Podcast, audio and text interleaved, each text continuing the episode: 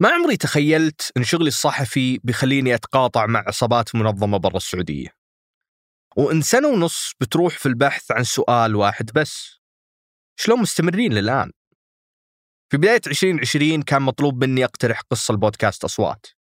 لذلك كالعادة قعدت أبحث وأتمشى في تويتر وطحت بالصدفة على تغريدة لشخص اسمه سعيد يشتكي من شركات الاستثمار الوهمية. تواصلت معه من باب الفضول السلام ورحمة الله سجلت المكالمة. آه عسى الوقت مناسب.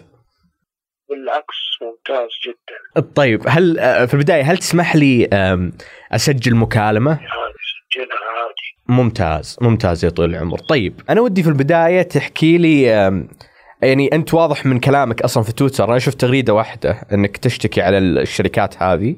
هل أنت كان لك تجربة معهم؟ هل كان؟ طبعا أنا موضوعي طويل لو حكيك مرة طويل. بس خليني أعطيك أنا إيش اللي صار بالضبط. أنا بالله أنت تسمح لي في اتصال مرة مهم بخلص وأرجع لك. طيب أوكي خذ راحتك. مع السلامة. مرت خمس دقائق ولا اتصل علي. أرسلت له واتساب وجاني صح واحد. انتظرت ساعة زيادة دون رد فقررت أتصل عليه.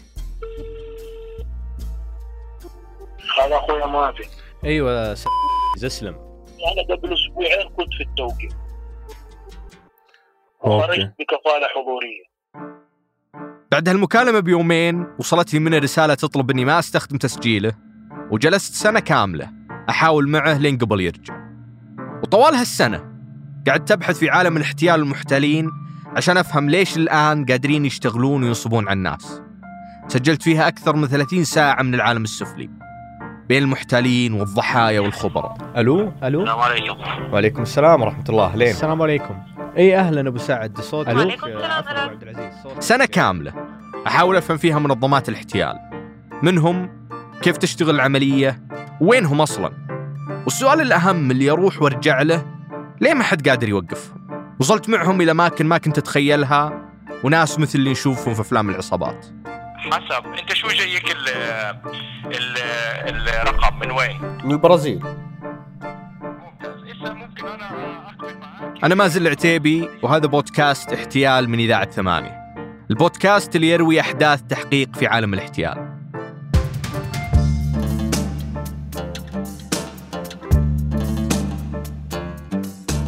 وما في مجال ترتبط فيه هذه السمعة أكثر من الاستثمار أونلاين. الاحتيال فيه عبارة عن نصبات كثيرة متسلسلة. كل واحدة تجر الثانية. والتوعية في هالموضوع كثيرة والضحايا كثيرين. رغم أني متأكد أنك ما تعرف أحد حولك تعرض للاحتيال. والإعلانات بعد كثيرة. تطلع لك في كل مكان. المال لا ينمو على الأشجار بل ينمو مع أمازون. انضم اليوم باستثمار صغير 250 دولار وابدأ في الكسب خلال يوم واحد. إعلان زي هذا بالعادة أتجاهله. لكن هالمرة قررت أدخل وأسجل اسمي ورقمي. وأنتظر متى بس يتصلون.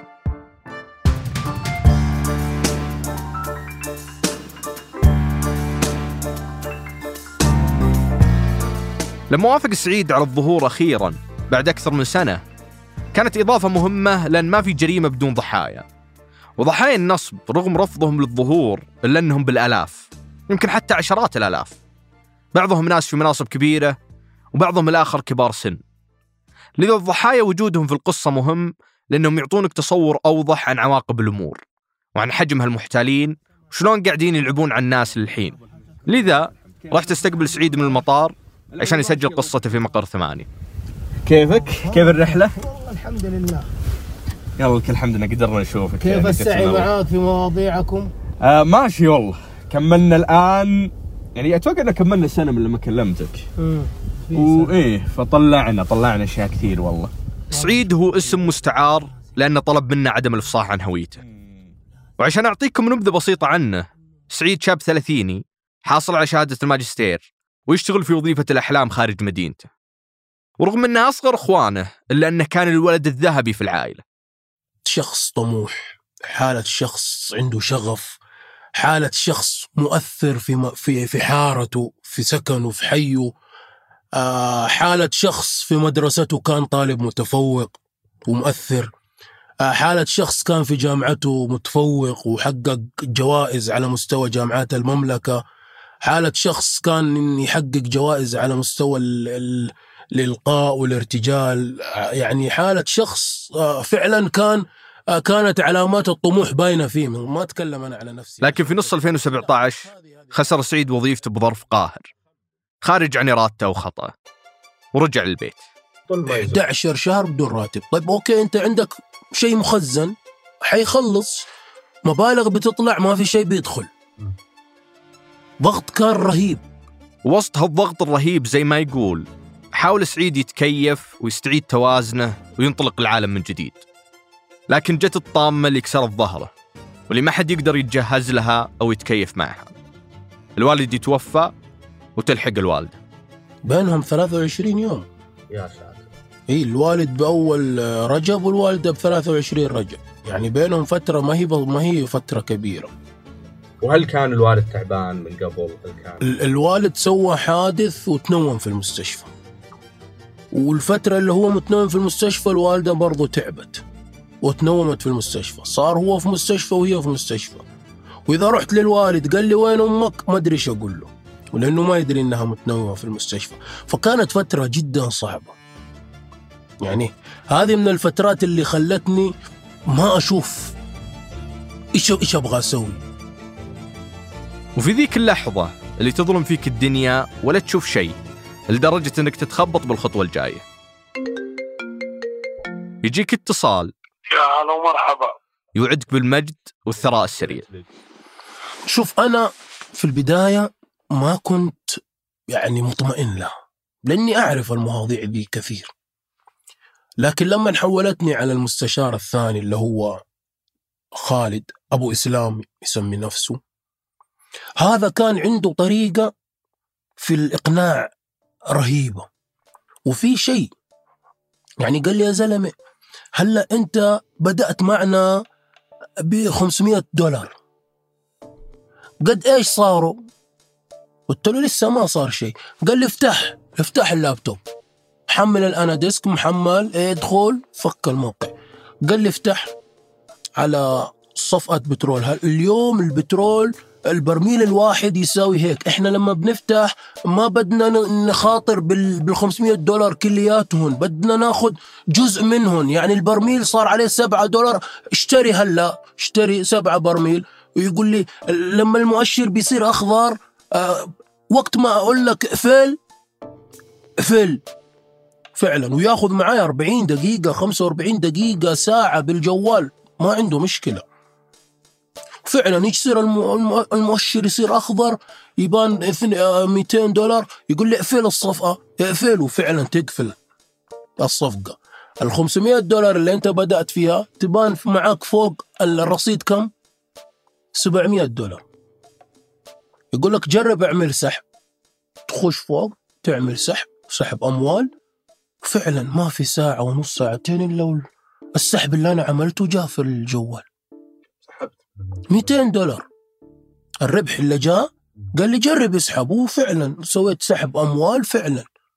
ما في عشر دقائق إلا ال- ال- ال- المبلغ نزل في الحساب. أول شيء لا إحنا أول شيء عملنا 500 دولار حولها سعيد. يعني حوالي 1800 ريال بس. ما حد يطلب منك تحول ثروة في البداية. قال لي يعني أنت على الأقل إحنا بنحجز من الشركة بنكلم المالية إنه إنه بدنا ندخل عشرين ألف وهم راح يعطونا بونص. أنت بتدخل عشرين ألف هم راح يعطونا بونص. فإحنا بس نبين لهم حسن نيه ونبعث لهم جزء بنقول لهم الجزء الثاني بعدين بنبعته كم بتقدر تبعت قلت له 2900 موجودة عندي. حتى ال 2900 تقدر تستثمر فيها وتجيب أرباح على قدها. لكن هل هذا مستواك؟ والله شوف وين المخاطرة؟ هي من هنا بدأت. الخوافين ما يصيرون أثرياء بدأ معايا بيقنعني إنه شوف بالمبلغ البسيط هذا في الفترة دي البسيطة هذا اللي صار معك فبعدها صار يقنعني بإنه أنت كيف تكبر المحفظة؟ كيف تخليها سيلفر يقول لي يعني أنت ما ما بتقدر يعني إذا قدرت تحط عشرين ألف ريال سعودي بتقدر خلال أسبوع ترجع ضعفها مرتين. طيب أنا ما عندي ما أقدر. يا زلمة بيع سيارتك. دبرها بتقدر. يعني يعني أنت قد إيش صار لك قد إيش صار لك بال بالمصلحة؟ قد إيش صار لك بالشركة تبع تبعتك؟ والله صار لي كذا. ب... ب... قدرت بأسبوع تدخل ستين ألف ريال سعودي؟ لا ما قدرت. هلأ الفرصة إجت لعندك. شوف الأسلوب أنت كيف. أنت اقتنعت معايا وأنت ب... فلا تروح تحط فلوسك يا مازن. اللي يشرح سعيد واجهته أنا بعد في مكالماتي مع هالشركات. بعد ما سجلت رقمي في إعلانات الاستثمار اللي تمر علي في النت بدأت الاتصالات منهم. أذكر أول اتصال جاني في الصبح وأنا ناشب في زحمة الرياض في الطريق للدوام. رديت بحذر طلبت منهم يكلموني بعد نص ساعة. نص ساعة ووصلت المكتب. دخلت الاستديو شغلت المايك ورديت. السلام عليكم. وعليكم السلام ورحمة الله. لين؟ حياك الله اخ ما كان ازعجتك بس. لا لا لا بالعكس. معليش أنا اللي أخرتك كثير. الله لا بسيطة شو أخبارك؟ إن شاء الله طيب. الحمد لله. كيف حالك أنت؟ الحمد لله رب العالمين. آه، أم تمام اخ مازن خليني أعرفك عن نفسي. يتكلم معك أمير حسن أبو عبد العزيز من شركة كامكيو للاستثمار. تمام؟ اللي هي طبعا شركة آه، مرخصة من هيئة سوق المال. تمام؟ تمام. آه، تعاملاتها عن طريق البنوك المحلية فقط طبعا لها سجل تجاري لها رقم ترخيص تمام؟ اللي إحنا اليوم شرحت لأبو عبد العزيز وضعي أنا موظف وأبي أستثمر فلوسي بس ما أدري في أي جهة أو مكان مفروض أحطها. اليوم إذا أنت بدك تبحث عن شيء فعلا اللي هو يكون يعني تستفيد منه ابحث عن شيء داخلي عندنا تمام؟ أنت عارف اليوم في شركات داخلية وفي شركات اللي خارجية صح؟ صح.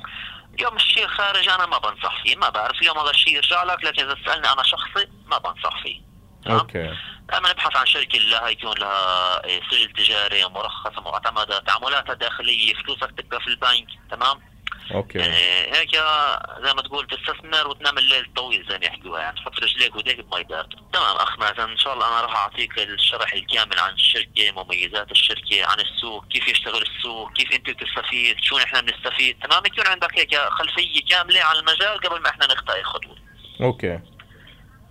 تمام في مجال تعرفنا عن نفسك اخ مازن؟ يعني قلت لي هون مجال عملك يعني كم العمر؟ أبو إيش ينادوك من باب الاحترام؟ آه معك مازن السعد ينادوني أبو سعد. من هذه اللحظة بدت الشخصية الوهمية دي شخصية مازن السعد تترسخ في كل المكالمات. لأن اظن في متعة خاصة يحس فيها المحتالين في مكالماتهم مع ضحاياهم. متعة إنك تكون الطرف اللعاب في المكالمة الطرف اللي يدري بأن الموضوع خدعة. لذلك يوم أرجع أسمع مكالماتي مع المحتالين كنت الاحظ فيه استمتاع بصوتي. متعة إنك تكون الطرف اللي مستوعب الخدعة أو باختصار الطرف اللي يخدع شخص يظن إنه قاعد يخدعك. المتعة تكون مضاعفة. ولأن هدفي في المكالمات هو الاستكشاف وتطويل المكالمة قدر الإمكان مازن السعد صار انعكاس للشيء اللي يبونه الأشخاص اللي اكلمهم أبو سعد أكبر مني عمره 31 سنة ومتزوج. وما هو موظف عادي. هو مستشار إعلامي راتبه يتعدى 30 ألف. ومع الوقت صار لشخصيته تفاصيل إضافية. هم يتوقعون إنها بتكون فيه. بعضها أشياء عادية وثانية شاطحة. مثل خوفه إن بنت تدير حسابه الاستثماري. كي أنت قلتها الرجال بالأفعال وعشان كذا أنا أصلا الصراحة يعني كنت حريص إنه قلت للاخ أبو عبد العزيز إنه أتمنى اللي يستلم الموضوع يكون رجل يعني مع احترامي للنساء. لكن ذا كله جاء بعدين. في المكالمة الأولى كان هدفي هو إني أتعرف على سوق التداول. السوق اللي يشرح لي أبو عبد العزيز. فاليوم متوفر عندك خمس مجالات اللي أنت ممكن تشتغل عليها. في عندك أول مجال هو مجال العملات الأجنبية مثل عملة مقابل عملة يعني يورو مقابل دولار دولار مقابل ريال مثلا. في عندك طبعا 52 زوج من العملات تمام؟ المجال الثاني هو مجال السلع اللي يضم آه، الذهب يضم النفط يضم الرز السكر القهوة القطن إلى آخره. المجال الثالث هو مجال الاسهم العالمية مثل سهم جوجل سهم أبل يوتيوب تويتر. okay. طبعا حلال الشرعي 100% ليش؟ انت عارف الرسول عليه أفضل الصلاة والسلام كان تاجر. تمام؟ وحلل التجارة. صح. تمام؟ فاليوم أنت في هذا السوق يا أبو سعد متوفر عندك نوعين من الصفقات أو صفقة شراء أو صفقة بيع. okay. يعني خلينا نقول إذا إحنا اليوم شرينا وارتفع السوق أنت كسبت وإذا إحنا اليوم بعنا وانخفض السوق أنت كمان كسبت تمام صح منطقي هاي فهمتها كيف تشتغل ولا أرجع اعيدها؟ لا لا أحس إني فاهم بس هل إحنا الحين نتكلم عن إيش؟ إحنا نتكلم عن أسهم يعني أشتري أسهم بعدين يرتفع السوق بعدين أبيع لا أنت اليوم في اليوم كيف تشتغل؟ كيف شو يعني نفتح صفقة؟ يعني إحنا بنفتح مثلا صفقة شراء حلو؟ مثلا نشتري أسهم معينة تمام؟ أوكي في حال ارتفع سعر السهم إحنا بنعلق بنعمل إغلاق للصفقة ما بنعمل بيع نغلق. تمام؟ okay. يعني أنت بتفتح صفقة وبتغلق صفقة. okay. فإذا أنت شريت وارتفع إذا أنت شريت وارتفع وعملت إغلاق أنت كسبت. وإذا أنت بعت وانخفض وعملت إغلاق أنت كمان كسبت. فلما أنت تعمل عملية بيع وينزل السعر أنت كمان هون بتكسب. okay okay. تمام؟ يعني هذا المنشار يا أبو سعد أنا آسف هذا السوق اشبهه مثل المنشار طالع واكل نازل واكل إذا أنت بتعرف كيف تشتغل فيه. okay. okay. تمام؟ okay فكل هاي المعلومات اليوم أبو سعد إيش بده يشتري؟ إيش بده يبيع؟ إيش شو الفرص؟ شو العروض الموجودة؟ هاي كلها تأخذها من عندنا من قسم إدارة المحافظ تمام؟ يكون اليوم متوفر معك شخص اللي هو يكون يدك اليمين في هذا المجال. يتواصل معك يوميا تمام؟ عبر الواتساب عبر الجوال حسب الوسيلة اللي أنت تختارها ويوجهك شو الصفقات اللي أنت تدخل عليها تمام. هل تحس إنك ضعت وأنت تسمعه وما عاد صرت فاهم شيء؟ لا يضيق صدرك. ترى هذا المقصد من اللي قاعد يسويه. أبو عبد العزيز والمحتالين زيه.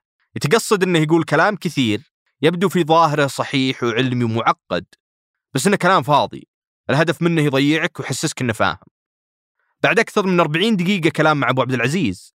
أرسل لي على الواتساب رابط ترخيص شركتهم. قلت بس. هذه النصبة واكتشفتها. دائما النصبات هذه فيها حيل تقنية. هي واحدة من ثنتين. يا أنها الرابط في فيروس مجرد ما أفتحه بتتهكر حساباتي أو في أحسن الأحوال الرابط بيأخذني لصفحة مزيفة تشبه صفحة موقع حكومي ولا صفحة بنك ويتوقع إني أدخل بياناتي فيها. لذلك رفضت أفتح الرابط لكنه مرتبك حتى. وقال لي افتح جوجل وادخل الموقع الرسمي لهيئة سوق المال. هيئة سوق سوق المال. المال. أوكي. أيوه أدخل الموقع الأول هيئة سوق المال. أدخل الموقع. أيوه. عندك البحث نتائج البحث صح؟ اي في فوق بحث أقدر أبحث أيوه سجل رقم الترخيص واحد صفر واحد صفر. واحد. واحد صفر واحد صفر. اثنين أربعة خمسة. اثنين أربعة خمسة.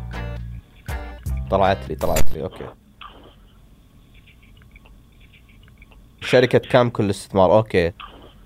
ادخل عليها. أنا يعني في عندك ال- الملف ال PDF فتح لي ملف. PDF صندوق كامكو الاسهم السعودية الشروط والأحكام. okay okay okay معليش تمام، معليش كلهم إيه. إيه. تمام هاي كلها بيانات. بإمكانك أنت يعني ترجع عليها هيك في وقتك الفراغ هي طويلة شوي يعني فيها ما يقارب 52 صفحة. تمام؟ هيك تمام. موجود فيها؟ كل الشروط الأحكام الشركة إيه، رقم ترخيصها كل البيانات. تمام؟ okay. تمام. لما انت اليوم يا أبو سعد بتدخل رقم ترخيص شركة وتطلع لك إنه هي قائمة تمام في من هيئة سوق المال إيش هذا يدلك؟ إيش هيك يعطيك ضي أخضر يعني؟ فعلا يعني وضح لي إنه الموضوع تمام. معليش صدق أنا شككت قبل شوي ما كنت أبغى أفتح الرابط لكن شكرا شكرا جزيلا. معليش أعتذر بس. فعلا. الح- الحذر الحذر واجب يا أبو سعد. في الموقع الرسمي لهيئة سوق المال السعودية موجود ترخيص شركة كامكو اللي يكلمني منها. أبو عبد العزيز اللي توقعته شخص جالس في شقته ويتصل على الناس يطقطق. صدمني وخلاني أتساءل كيف قدر يجيب رقم ترخيص حقيقي مصدق في موقع هيئة سوق المال؟ الصدمة ما هو بأنها قنعني أنه شركة استثمار حقيقية. الصدمة أنه طلع منظم ومستعد لكل سؤال. وهز ثقتي بأن النصبة سهلة وإني راح أكتشفها بسرعة. هو بعد ما يشتغل لحاله لأنه حولني للمستشار المالي ومدير المحفظة. ألو السلام عليكم. وعليكم السلام ورحمة الله. حياك الله. أخوي مازن كيف صحتك؟ الحمد لله الله يبقيك. من معي؟ بتواصل وياك الدكتور خالد حمدان أخوك أبو فارس. أبو فارس يا أهلا يا أهلا دكتور خالد. كيف حالك؟ الله يسعدك. لي كامل الشرف أتعرف على حضرتك الكريم أخوي مازن. الله يسلمك. الله يسعدك. حياك الله. الله يبقيك. كيف حالك يا دكتور؟ أنت اللي بتكون مدير المحفظة صح؟ يا عين عليك. أيوه. الله okay, okay. تكلمت فترة مع أبو فارس. بعدها رجعني لأبو عبد العزيز. اللي صار مصر أكثر من قبل إني أحول له 2000 ريال عشان أفتح حساب.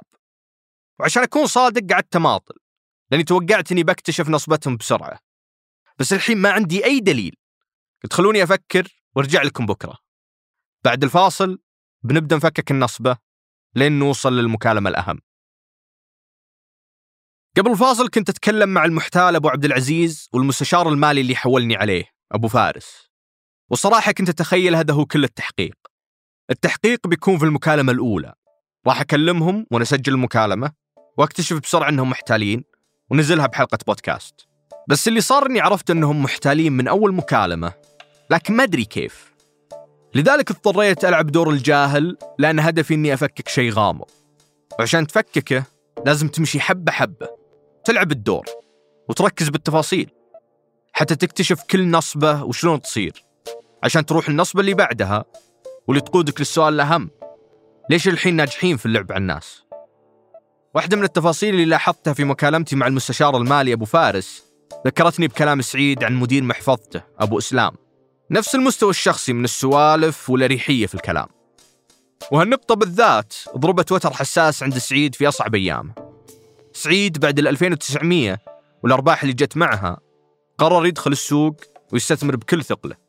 بعدين أنا بطريقتي كذا تواصلت مع واحد من الزملاء آه، حول لي خمسين ألف حولتها لل وأعطوني عليها بطاقة بقيمة المبلغ اللي أنا حولته وأرسلته لهذولاك. يبين معايا في المنصة حقت التداول المبلغ بيزيد عندي والمبالغ الباقية بنفس الطريقة. ما يقصروا. فلان كيف؟ ثمانين ألف في موضوع حلو كذا وكذا. آه طيب خلال كم ترجع لي؟ ثلاثة شهور أربع شهور إن شاء الله. صار واضح في هذيك اللحظة أن سعيد لقى دافع جديد للحياة وانغمس في إدارة استثماراته. من يصحى من النوم إلى الليل في روتين منضبط تماما. لا في البيت عندي في الغرفة. أيوه في الغرفة الفترة أجلس عندي في البيت أقفل الباب على نفسي. وأجلس خلاص أنا هو متصل معايا أو في المجلس اللابتوب عندي وهو معايا في السماعة ونشتغل خطوة بخطوة. يوم ورا يوم وتحويل بعد تحويل الاستثمار صار كبير. شوف بعد ما إجمالي البطاقات ال- الباي فاست كارد وصل إجماليها أخذناها ب 187 ألف. كان الربح 650 ألف دولار. زانت الحياة لسعيد فجأة. وبدأت أحلام اليقظة. صار يفكر ويخطط وش راح يسوي بالربح. خلاني أتصور إنه فعلا الأمور انح- انحلت. تسحب 350 ألف دولار وتكمل بال 300 بال 300 ألف دولار. دولار ما بريال. دولار ما هو ريال. ولما جاء وقت السحب الفعلي هنا ال- الأمور بانت معايا بنسبة كبيرة. لما جاء وقت السحب الفعلي عبينا استمارات آه، عبينا استماره وفيها رقم الأيبان تبعي كامل. آه، بعد قال لي خلال 72 ساعة. غلقت ال 72 ساعة ما انقطع التواصل مع معه. في الواتساب صار ما يبين. وأم خالد هذيك ما عاد صارت ترد.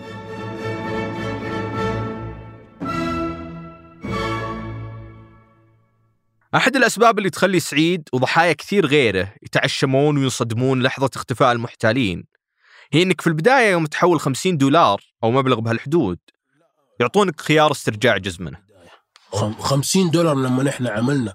قال لي اذا إذا بتريد تسحب أكثر اسحب يعني ما في مشكلة. قلت له لا خليها أنا بس أبغى يعني أنا لأني ده أنا دوبي حاطها فما لو محتاجة ما حطيتها أصلا. لأنهم عارفين إنه في الغالب ما حد راح يطلب استرجاع مبلغ بسيط زي ذا. لكن وش يصير لو طلبت تسترجع المبلغ فعلا؟ مثلا مع أبو عبد العزيز أنا رفضت تحول. لكن في تسجيلاتي اللاحقة مع واحدة من المحتلات تسمي نفسها الدكتورة فاطمة الخالدي حولت لها 350 ريال.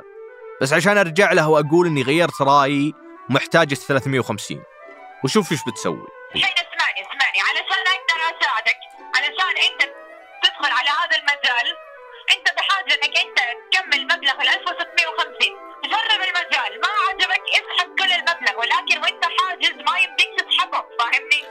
بدال ما ترجع لي الفلوس صارت تطلب أحول 1650 ريال زيادة. طبعا المكالمة تتجاوز الساعة من العبط والمماطله. ورغم إني كنت عارف إنها نصابة وما راح ترجع لي شيء لأني تنرفزت لا شعوريا. الحين أنت لا لا تجيبين معليش معليش. طيب معليش معليش. لا شوف تجيبين لا تجيبين طاري ال حجزت- 2000 أنت اسمعيني. طيب تخيلوا شعور سعيد اللي يحول 187 ألف. عشان كذا مهم نشوف الضحايا. إذا طحت في التحويلة الأولى بتجرك للتحويلة الثانية واللي بعدها واللي بعدها لحد ما تتشربك وتوصل للي يوصل سعيد. لذا يفترض كشف النصبة ما يجي بعدين يجي مع التحويلة الأولى. شلون يقنعونك تحول أول مرة؟ الوثائق كونهم موثقين في هيئة سوق المال هو الدليل اللي يبنون عليه مصداقيتهم. لذا رجعت الوثائق والتراخيص اللي يرسلها لي أبو عبد العزيز في مكالمتنا الأولى. وقارنتها باللي موجودة في موقع هيئة سوق المال. وأخيرا لقيتها. كل شيء فيها تمام. كل الخمسين صفحة حقيقية ومتطابقة. باستثناء رابط الموقع والرقم الموحد يختلفون عن الموجودين في موقع هيئة سوق المال. وقت رفعت السماعة واتصلت على الرقم الموحد الموجود في موقع الهيئة. كام كل الاستثمار صح؟ إي نعم. آه طيب يا طويل العمر أنا أبغى أعرف آه يعني جاتني مكالمة من أحد يقول إنه من عندكم. لا هذا كله احتيال كيف؟ كله نصب واحتيال هذا خالد الويحق من شركة كامكو الاستثمارية. وافق إني أجي للمكتب وأسجل معه. شركة كامكو شركة حقيقية لها فروع في السعودية والكويت. والسجل التجاري اللي يوصل لي من أبو عبد العزيز سجل حقيقي بعد. لكن أبو عبد العزيز نفسه محتال هو والمستشار المالي وباقي أفراد التنظيم حقهم اللي يتظاهر بأن شركات استثمارية عشان ينهب فلوس الناس. فلازم أول شيء تعرف وش سبب اختياره خاصة وش سبب اختيارهم ل آه، تحديد الشركات الاستثمارية بالسعودية. هيئة السوق المالية تجبر الشركات الاستثمارية إنهم يحطون بياناتهم الكاملة في مواقعهم الرسمية الاسم التجاري رخصة ال- ال- ال- الهيئة رقم الرخصة ورقم السجل التجاري وبيانات الكاملة. برضو من ضمن البيانات اعضاء مجلس الاداره كل الأمور كل الأمور اللي عندك لازم تكون من باب الشفافية تنحط في موقعك الرسمي. آه، فكرتهم إنه ياخذ البيانات كاملة ويضيف عليها ملف وورد هو يسويه ويحفظه كبي دي إف على أساس إنه أنا وكيل معتمد.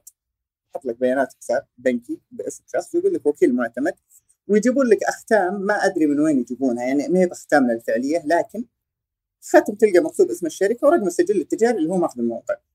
فهذا في وقت جلوسي مع خالد كنت عارف هالمعلومة. اللي ما كنت أعرفه هو حجم المشكلة. واللي يشوفها خالد خلال الثلاث سنوات اللي اشتغل فيها مع كامكو.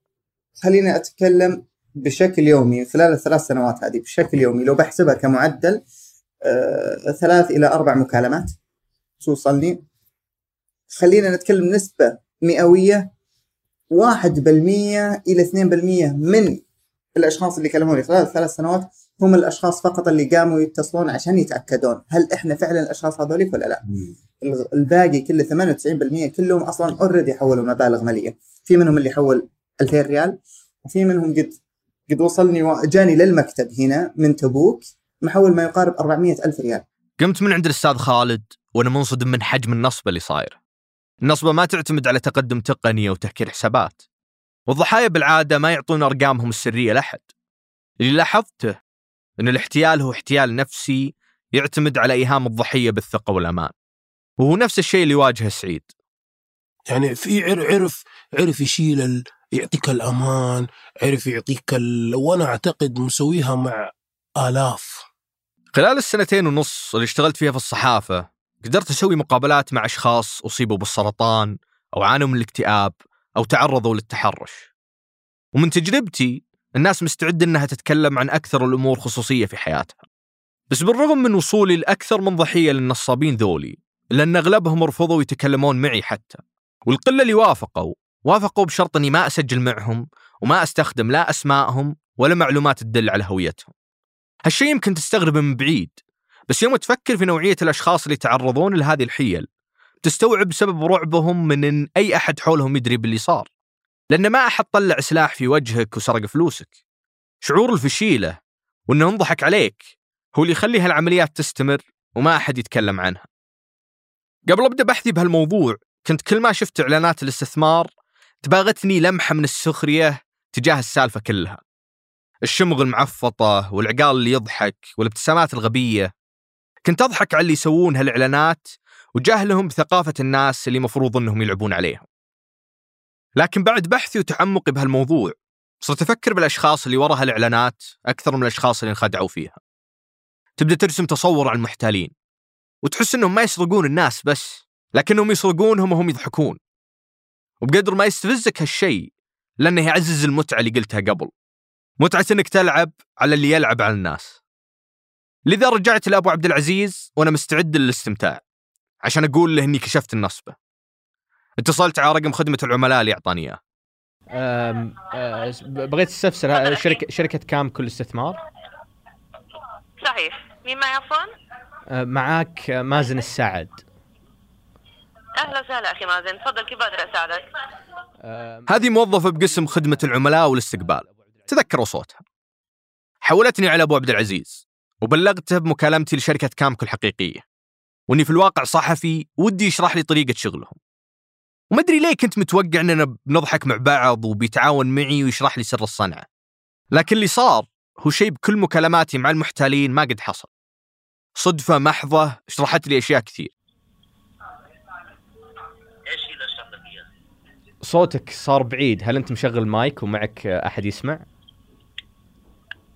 لا بكلمك لسه بكلمك لكن يمكن عشان انت متصل خليني اتصل عليك من عندي أه، خلاص يا ليت تتصل علي.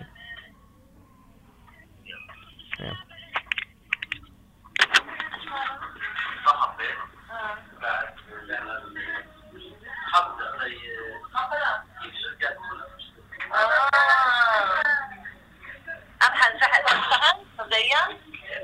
الشحن مبدئيا شو بدك تشرح له؟ شو بدك مش عارف هذا عشان هيك ابحث طلب الشحن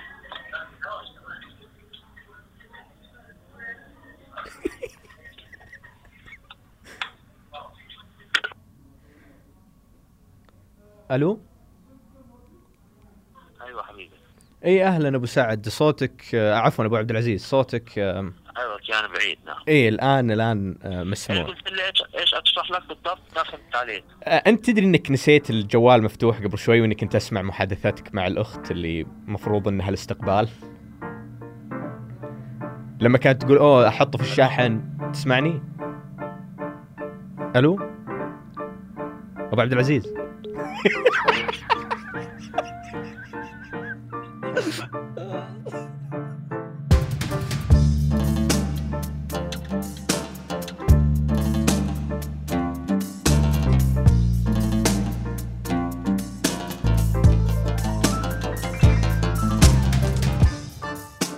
الجانب اللي أغلب الناس تجهله في الحيلة واللي يخليها تستمر أكثر وتروح لمناطق جديدة في الحلقة الجاية من احتيال إلى الآن هنا قصة. تبدأ قصة ثانية. بالله عليك فك التجميد عن الحسابات هذه الحسابات فيها ملايين. والله تخرب بيتي يا أستاذ. معليش ما أقدر ما أقدر. شكرا للجنة الإعلام والتوعية المصرفية بالبنوك السعودية على رعاية هذا الموسم من احتيال. احتيال هو بودكاست تحقيقي من إذاعة ثمانية. أنتج هذه الحلقة أنا مازن العتيبي ومشاري الحمود. حررها الوليد العيسى وعبد الله المالكي. هندسة صوتيا محمد الحسن. صمم غلافها لينا عامر وريفال الغيلاني وصنع موسيقاها صالح حداد. راجعها أحمد الحقيل وأسيل عبد الله وأشرف على إنتاجها ميسم المنيع وسحر سليمان.